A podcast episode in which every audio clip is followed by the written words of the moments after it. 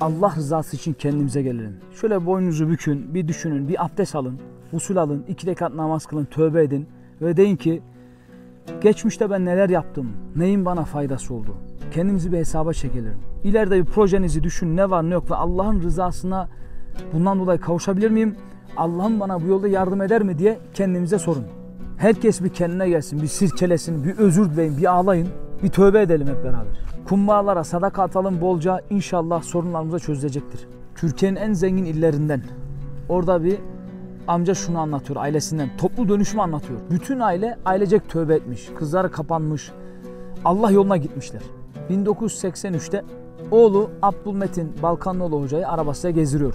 Diyor ki ben A esnaf A fabrikalarla çalışırdım faizli bir şekilde. Ben hacıyım ama piyasa bunu gerektiriyor. Rahat bir tiptim dedi. Fakat bir vaaz dinledim.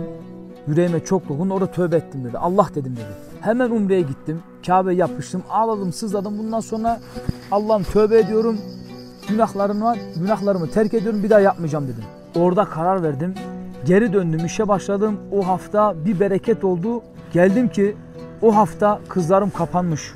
Oğlum namaza başlamış. Hatta büyük bir alim evliyayla tanışmış. Allah yoluna girmişler. Hatta sakal bıraktılar diyor. Ne zaman harama hayır dedim, faize hayır dedim. Vallahi evde bir bereket, bir rahmet oldu, bir huzurluk oldu. Ferah doldu evim. Herkes Allah yoluna gittik ve hep beraber birbirimizi kırmamaya başladık. Eğer işçi işin hakkını vermiyorsa, işveren işçinin hakkını vermiyorsa, huzur yoksa kendisini bir check-up yapsın, bir düşünsün. Eğer işçi mesaisinden çalıyorsa, işveren alnın terinden çalıyorsa o evde o huzursuzluk sürer. Yani helal kazancın önemi kanımıza karıştı. Çocuklarımızın kanına karıştığı helal kazanç. Ahlakları için, terbiyesi için, ihlası için çok önemli helal kazanç. Önce haram girenleri yamuk yapılanmayı düzelteceksin ve gör ki Allah'ın izniyle hepsi düzene girecek. Ondan sonra işin nasıl rast gittiğini Allah'ın izniyle Allah imtihan eder o başka bir şey.